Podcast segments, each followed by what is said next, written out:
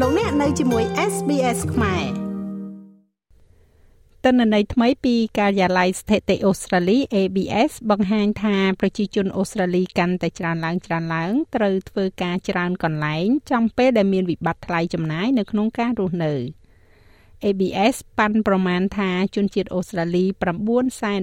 947,300នាក់បានធ្វើការងារច្រើនកន្លែងនៅក្នុងខែមីនាដែលជាកំណត់ត្រាថ្មីមួយ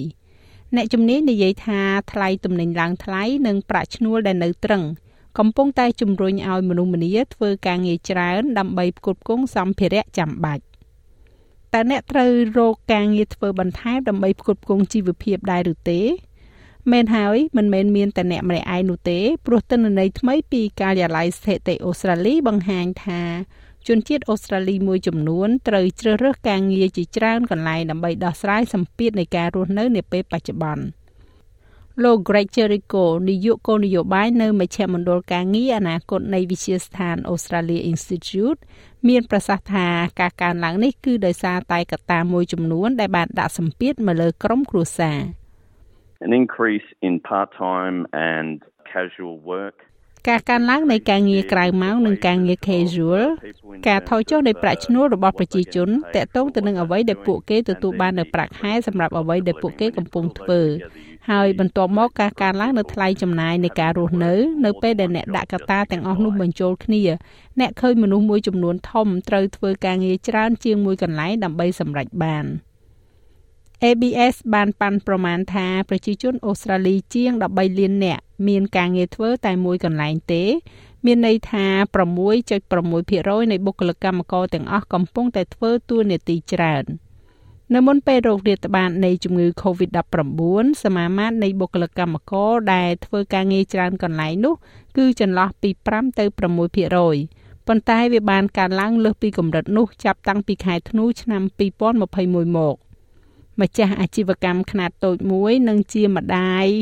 កូន2នាក់ គឺ Rachel Bartolo មានប្រសាសន៍ថាការកើនឡើងនៃថ្លៃគ្រឿងទេសនិងរបស់របរប្រើប្រាស់សំខាន់សំខាន់ផ្សេងទៀតមានន័យថាអ្នកនាងនិងស្វាមីរបស់អ្នកនាងឥឡូវនេះត្រូវបង្កើននៅជំនាញនិងស្វែងរកការងារបន្ថែមដើម្បីសម្រេចបាននៅការចំណាយប្រចាំថ្ងៃ។ the grocery bill has increased dramatically and ថ្លៃចំណាយទៅលើគ្រឿងទេសបានកើនឡើងយ៉ាងខ្លាំងហើយរបស់របរមិនមែនឡើងថ្លៃត្រឹមតែដោយអ្នកដឹងហើយ30សេនឬក៏20សេនឯនោះទេ វាកំពុងតែឡើងថ្លៃ1ដុល្លារ2ដុល្លារតែម្ដងដូចជាថ្លៃចំណាយទៅលើគ្រឿងទេសរបស់យើងប្រហែលជាឡើងយ៉ាងតិចណាស់ពី100ទៅ150ដុល្លារនៅប្រហែលខែចុងក្រោយនេះ ការចេញផ្សាយទិន្នន័យរបស់ការិយាល័យស្ថិតិអូស្ត្រាលីចុងក្រោយបង្អស់នេះក៏បានបង្ហាញពីការចំណាយទៅលើការរស់នៅប្រចាំឆ្នាំសម្រាប់ក្រុមគ្រួសារនិយោជិកក្នុងប្រទេសអូស្ត្រាលីដែលបានកើនឡើង9.6%ដែលជាការកើនឡើងខ្លាំងបំផុតដែលការិយាល័យនេះបានឃើញចាប់តាំងពីពួកគេបានចាប់ផ្ដើមកត់ត្រាស្ថិតិក្នុងឆ្នាំ1999មក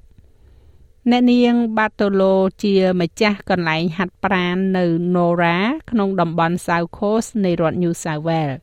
បន្ទាប់ពីរោគរាតត្បាត COVID-19 បានធ្វើឲ្យមានផលប៉ះពាល់យ៉ាងខ្លាំងដល់ហិរញ្ញវត្ថុរបស់ក្លឹបហាត់ប្រាណរបស់អ្នកនាងអតិផរណាថ្មីថ្មីនេះទៀតបានធ្វើឲ្យអ្នកនាងមិនអាចរក្សាទុកកន្លែងហាត់ប្រាណនេះឲ្យដំណើរការទៀតបានទេហើយអ្នកនាងត្រូវតែដាក់អាជីវកម្មនៅលើទីផ្សារ It devastated me to be honest និយាយតាមត្រង់វាបានបំភ្លេចបំផ្លាញខ្ញុំខ្ញុំបានឃើញក្តីសុបិនខ្ញុំរលាយរលត់ទៅខ្ញុំបានឃើញអ្វីអ្វីដែលខ្ញុំកសាងឡើងរលាយរលត់ទៅ ហើយខ្ញុំបន្តមើលក្តីសុបិនរបស់ខ្ញុំរលាយទាំងដែលវានៅបើក តែលក់មិនដាច់ព្រោះវាមិនមែនជាទីផ្សារអ្នកលក់ទេ ហើយក៏ព្រោះតែគ្មាននរណាមានលទ្ធភាពទិញវែកបានឡើយមានពេលមួយនោះខ្ញុំហាក់ដូចជាតើខ្ញុំត្រូវទៅទីណាពីទីនេះ ដោយសារតែខ្ញុំបានលះបង់អ្នកដឹងទេមួយទសវត្សនៃជីវិតរបស់ខ្ញុំអត្តសញ្ញាណរបស់ខ្ញុំទាំងមូលគឺកាយសម្បទានបើកន្លែងហាត់ប្រាណនិងអ្វីអ្វីទាំងអស់ហើយខ្ញុំមិនអាចធ្វើបែបនេះទៀតទេអ្នកនាងបាតូឡូនៅតែធ្វើការពេញម៉ោងដដែលនៅកន្លែងហាត់ប្រាណផ្សេងទៀតប៉ុន្តែថ្មីថ្មីនេះបានបញ្ចប់សញ្ញាបត្រផ្នែកសេវាកម្មសហគមន៍ហើយក៏បានបែងចែកពេលវេលារវាងកន្លែងហាត់ប្រាណនិងធ្វើការជាមួយនឹងសេវាកម្ម Sabrostor ទ ទន្ទឹមនឹងនេះស្វាមីរបស់អ្នកនាងដែលជាអ្នកធ្វើការងារពេញម៉ោងផងដែរនោះក៏ត្រូវធ្វើការងារបន្ថែមដើម្បីនាំមកនៅប្រាក់ចំណូលបន្ថែមសម្រាប់ក្រុមគ្រួសារផងដែរនេះវាត្រូវទៅនឹងទិន្នន័យពីរដែលហាក់ដូចជាផ្ទុយគ្នា ការកើនឡើងយ៉ាងខ្លាំងនៃសម្ពាធហិរញ្ញវត្ថុលើក្រុមគ្រួសារនិងអត្រាគ្មានការងារធ្វើធ្លាក់ចុះទាបនាពេលបច្ចុប្បន្ននៅទូទាំងប្រទេសទិន្នន័យរបស់ ABS ចុងក្រោយបង្អស់បង្ហាញថាអត្រាគ្មានការងារធ្វើនៅក្នុងប្រទេសអូស្ត្រាលីសម្រាប់ខែកក្កដាគឺនៅ3.5%ដែលមិនឆ្ងាយពី3.4%កាលពីខែតុលាឆ្នាំមុន ដែលជាអត្រាទាបបំផុតដែលយើងឃើញចាប់តាំងពីពាក់កណ្ដាលទសវត្សរ៍ឆ្នាំ1970មកនោះលោក Greg Jericho មកពីមជ្ឈមណ្ឌលសម្រាប់ការងារនាពេលអនាគតនិយាយថា ការក្រឡេកមើលលើចំនួនប្រជាជនអូស្ត្រាលីដែលមានការងារធ្វើ គឺបាត់នៅបំណែកដ៏សំខាន់មួយនៃលបែងផ្គុំរូប It uh, doesn't tell us whether those jobs វាមិនប្រាប់យើងនោះទេថាតើការងារទាំងនោះជាការងារក្រៅម៉ោងពេញម៉ោងថាតើវាបានប្រាក់ឈ្នួលល្អឬក៏ប្រាក់ឈ្នួលមិនសមរម្យរឿងគួរឲ្យចាប់អារម្មណ៍មួយអំពីទិន្នន័យនេះទៅលើការងារច្រើនកន្លែងដែលទើបតែចេញមកបង្ហាញថាអ្នកដែលកំពុងតែធ្វើការងារពេញម៉ោងហើយក៏ត្រូវតែស្វែងរកការងារផ្សេងទៀតដើម្បីផ្គត់ផ្គង់ជីវភាពផងដែរដូច្នេះវាមិនមែនគ្រាន់តែជាករណីរបស់ប្រជាជនដែលធ្វើការក្រៅម៉ោង2កន្លែងឬក៏ការងារក្រៅម៉ោង3កន្លែងនោះទេមានអ្នកធ្វើការងារពេញម៉ោងហើយត្រូវធ្វើការងារច្រើនម៉ោងបន្ថែមទៀត។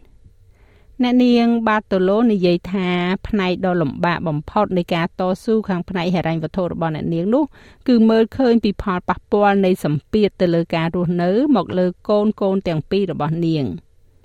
It's hard for little brains to understand វាពិបាកសម្រាប់ខួរក្បាលក្មេងតូចតូចនៅក្នុងការយល់អំពីប្រាក់និងកញ្ចប់ថវិកា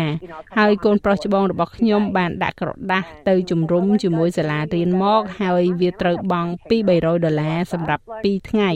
ហើយគាត់និយាយថាខ្ញុំនឹងមិនទៅទេព្រោះខ្ញុំដឹងថាម៉ាក់និងប៉ាបារម្ភពីរឿងលុយ ហើយខ្ញុំមិនចង់ឲ្យកូនអាយុ10ឆ្នាំមានអារម្មណ៍បែបនេះទេគាត់មិនគួរមានអារម្មណ៍ដូចជាគាត់ត្រូវតែលះបង់អ្វីមួយដើម្បីឲ្យយើងអាចរស់នៅបានរយៈពេលមួយសប្តាហ៍ទៀតនោះទេចាស់ហើយរបាយការណ៍នេះចងក្រងឡើងដោយ Sam Dover សម្រាប់ SBS News និងប្រែសម្រួលសម្រាប់ការផ្សាយរបស់ SBS ខ្មែរដោយនាងខ្ញុំហៃសុផារ៉ានី ចង់ស្ដាប់រឿងក្រៅបែបនេះបន្ថែមទៀតទេ ស្ដាប់នៅលើ Apple Podcast Google Podcast Spotify ឬកម្មវិធីដទៃទៀតដែលលោកអ្នកមាន។